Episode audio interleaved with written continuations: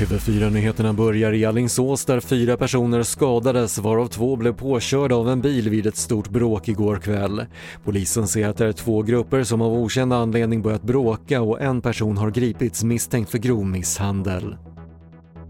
Flera personer skadades när ett stort träd föll över ett garage vid ett oväder i den amerikanska delstaten Maryland igår. Enligt lokala medier fördes 19 personer varav två barn som befann sig i garaget när det kollapsade till sjukhus och en person ska ha skadats allvarligt.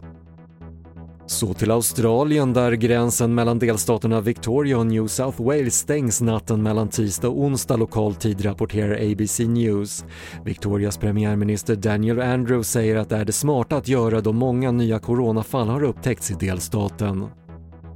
Och från och med halvårsskiftet i år skulle det ha varit möjligt för svenska skolor att införa betyg från årskurs 4 men beslutet har skjutits upp till nästa år.